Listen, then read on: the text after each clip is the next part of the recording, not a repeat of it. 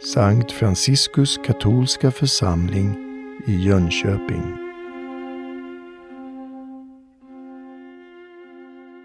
I det här evangeliet så tas eh, ett mycket svårt ämne upp egentligen. Det handlar om tron. Varför finns det så många människor som inte har en tro på Gud? Många som inte tror på Herren Jesus Kristus, men fundamentalt inte har någon tro på Gud överhuvudtaget.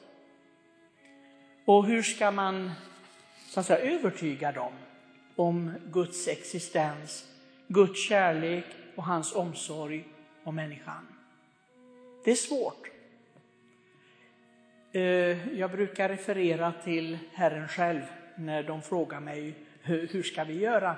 Ja, inte ens vår Herre Jesus Kristus klarade av det med alla. Ni hör hur hårda de var, tuffa. Trots, säger Jesus, att ni har sett mina gärningar. Och när han refererar till skriften, till det som de läste och vördade, så ville de inte ta det till sig. Det är ett mysterium, det är ett verkligt, verkligen en hemlighet, ett mysterium det här. Varför vissa människor tror och andra kan inte öppna sig för tro. Det är ett mysterium. Och jag kan inte förklara det heller. Även om jag är ganska så bra på att prata, men det, det är för mig också ett mysterium. Ett stort mysterium. Vi brukar ju säga efter när brödet och vinet förvandlas till Kristi kropp och blod, trons mysterium. Men det här för mig är ännu större mysterium. Och det är ändå människor kanske som har sett mycket i livet och borde begripa att det finns någon som står bakom. Inte vad som helst, inte något opersonligt, utan att det är en personlig vilja som står bakom detta. För mig räcker det bara att ta en promenad och se, ja inte i stan, men, men att gå i naturen och se vad, allt det vackra som, som en skapare har gett oss. Och bara att se människan själv, hur, hur vi är funtad. Jag, jag gick till läkaren för en månad sedan så, och läkaren konstaterade att jag hade eh, bältros. Så sa han, men nu kan du vara glad för nu kan du inte få corona. Nej, kan jag inte få det? Nej, man kan inte få två virus samtidigt, så nu kan du vara lugn att nu har du bara ett virus, inte ett annat. Det är så fantastiskt, alltså allting är så fantastiskt gjort och uttänkt. Hur kan man då inte vara en troende människa? Om vi ser på varje lilla, i ett mikroskop, allting det minsta lilla, allt är så uttänkt, så perfekt. Ibland tycker vi inte om det naturligtvis. Vem tycker om att få myror i huset som vi har i köket nu? Det är ingen människa som tycker om det. Eller, eller någonting annat som, som inte passar in. Men rent objektivt är det ju helt fantastiskt. Allting är så fantastiskt. Och även människans liv, när jag tänker på det. Det är skönt att vi inte lever i all evighet här på jorden. Det är skönt att vi får slippa ifrån någon gång. Ibland tycker vi att vissa slipper ifrån lite för tidigt. Att de dör alldeles för unga. Det är en annan sak, men allting är uträknat av Herren. Allting är balanserat.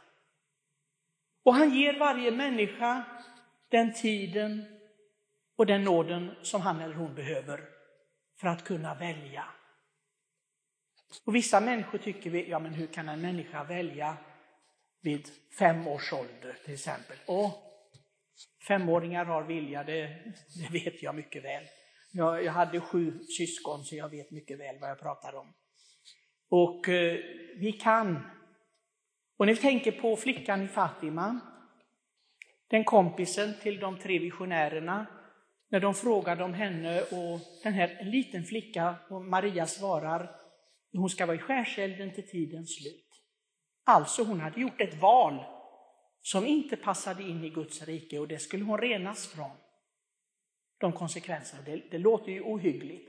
Men vi förstår att varje människa får den nådetid vi behöver, så vi behöver inte sucka och klaga över när det gäller det, när det gäller evighetsperspektivet, att en människa dör för ung eller också för gammal. Alla får den tiden som Gud har utmätt som den personen behöver.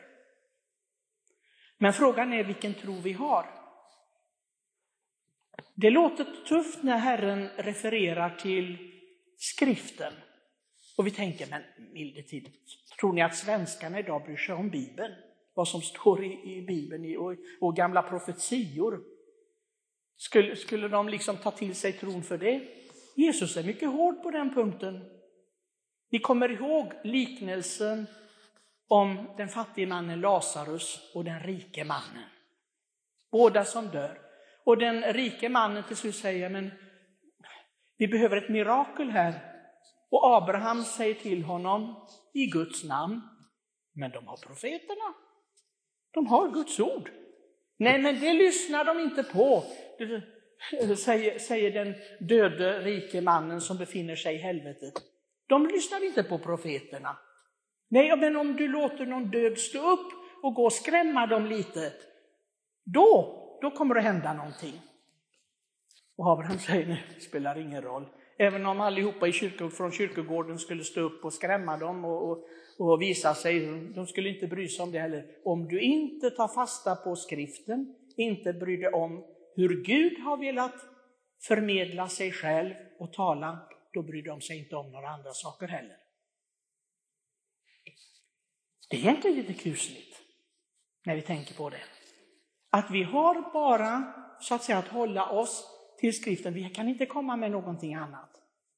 Och även om vi skulle sitta en hel kväll med någon som inte vill tro och tala om hur fantastiskt allting är skapat och så, så men vet det kanske var en stor smäll alltid och bing bang, bong bong, och så, och så blev det till. Vem vet, evolutionen, ja men hur började det?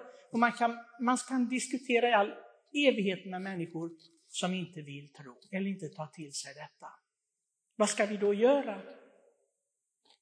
Och jag undrar i de här situationerna, vad tänkte Jesus egentligen om dem som motsatt sig honom? Som inte ville ta till sig hans uppenbarelse, det som han kom med. Hur tänkte han? Gjorde han? De får skylla sig själva. Gjorde han så? Jag tror inte det. Jag kan inte tänka mig att även om Jesus gick eh, liksom igenom en folksamling där de ville kasta sten på honom och döda honom, att han bara gick därifrån och sa, jag bryr mig inte om dem. Det kan jag inte tänka mig. Jag tror däremot att Herren bar dem alla upp på korset. Varenda människa. Och det är det som den katolska kyrkan tror på. Att alla människor är burna upp med Herrens kärlek och förlåtelse på korset. Att det finns inte en enda människa på denna jord i historien som inte är med i detta offer. I hans öppnade hjärta. Men vi måste vara med där. Vi måste vara med och be och vädja. Maria säger i Fatima, och det har jag sagt många, många, många gånger, många personer går förlorade. Ja, hon säger en enorm kvantitet av personer som går förlorade för att ingen ber och offrar för dem. Tänk vilket ansvar vi har. Och det är det det handlar om. Dagens evangelium, som många gånger när vi öppnar skrifterna, handlar det just om mitt och ditt ansvar. Vad gör jag? Står jag bara liksom med armarna i kors? Okej, okay, de tror inte, jag kan inte göra någonting åt det. Är det så vi lever? Är det så vi är hängivna Herren? Det är ingen hängivenhet. Det är inte att vara honom nära, att försöka ta till sig hans hjärta och tänka att känna som han. Han som är bedrövad över varje människa som går förlorad, som, som vänder ryggen åt Gud, som inte vill ha med Gud att göra. Vilken bedrövelse! Varför säger Herren alltid, åh vilken lycka det är över en enda som omvänder sig i himlen. Ni skulle, om ni bara förstod vilken lycka det är. Vilken glädje det är i himmelen bland änglar och helgon när en enda människa omvänder sig. Vi måste vara bättre på detta. Vi måste vara bättre på att be för människor runt omkring oss, inte gå omkring med likgiltighet. Tänk, det är en synd. Jag hoppas att alla de som är likgiltiga för andra människors frälsning verkligen ber om förlåtelse för detta och biktar detta. För detta är verkligen en allvarlig synd. Ibland kommer folk och biktar sig för dumheter. Jag säger det. Jag har sagt några fula ord. Jag har, alltså, milde tid. Här är det själarnas frälsning vi pratar om. Det är inte vilka ord jag använder. Om jag svär eller okej. Okay. Men här talar vi om själarnas frälsning. Det borde vara någonting som vi är mycket noga med. Att inte en människa får gå förbi i mitt liv som jag inte ber och vädjar för. Särskilt när vi förnimmer, den här människan kanske inte är troende. Jag kan inte övertyga alla människor, inte ens jag som präst kan det, absolut inte, det ska ni inte tro. Jag har en massa ogudaktiga släktingar så jag vet. Och inte blir de mer troende för det för att jag är präst. Eller sitter och dricker kaffe med dem. Inte det minsta. Kanske tvärtom ibland. Men däremot vet jag att jag, om jag vädjar för deras frälsning, Herren hör detta. Är det någon bön som Herren hör så är det när vi ber för människors frälsning. Varför tror ni att den här, jag, ni har förstått att korsvägsandakten som jag leder, jag älskar detta när vi ber barmhärtighetens krona i den, för den är så viktig. För det ber inte bara för mig själv, förbarmad över oss och över hela världen. Det är så viktigt att vi drar in alla människor i denna kärleken och omsorgen om alla människors frälsning. För annars har vi inte förstått någonting.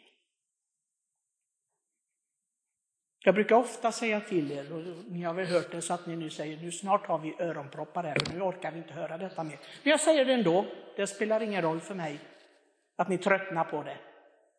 När ni står i kön i affären och ska betala era varor, så be för de människorna som står där i kön. Herre, låt ingen av dem gå förlorad. Den som sitter vid kassan kanske ser jättetrött ut och sliten. Förbarma dig över henne. Förbarma dig över honom. Låt dem inte gå förlorade, Herre.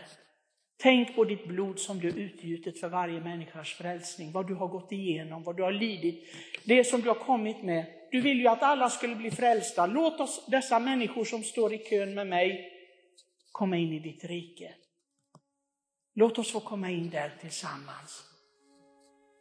Det har du lovat alla de som älskar dig. Hjälp dem att älska dig. Hjälp dem att öppna sig för dig, Herre.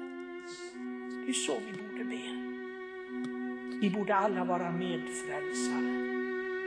Herre, ge oss denna nåd. Amen.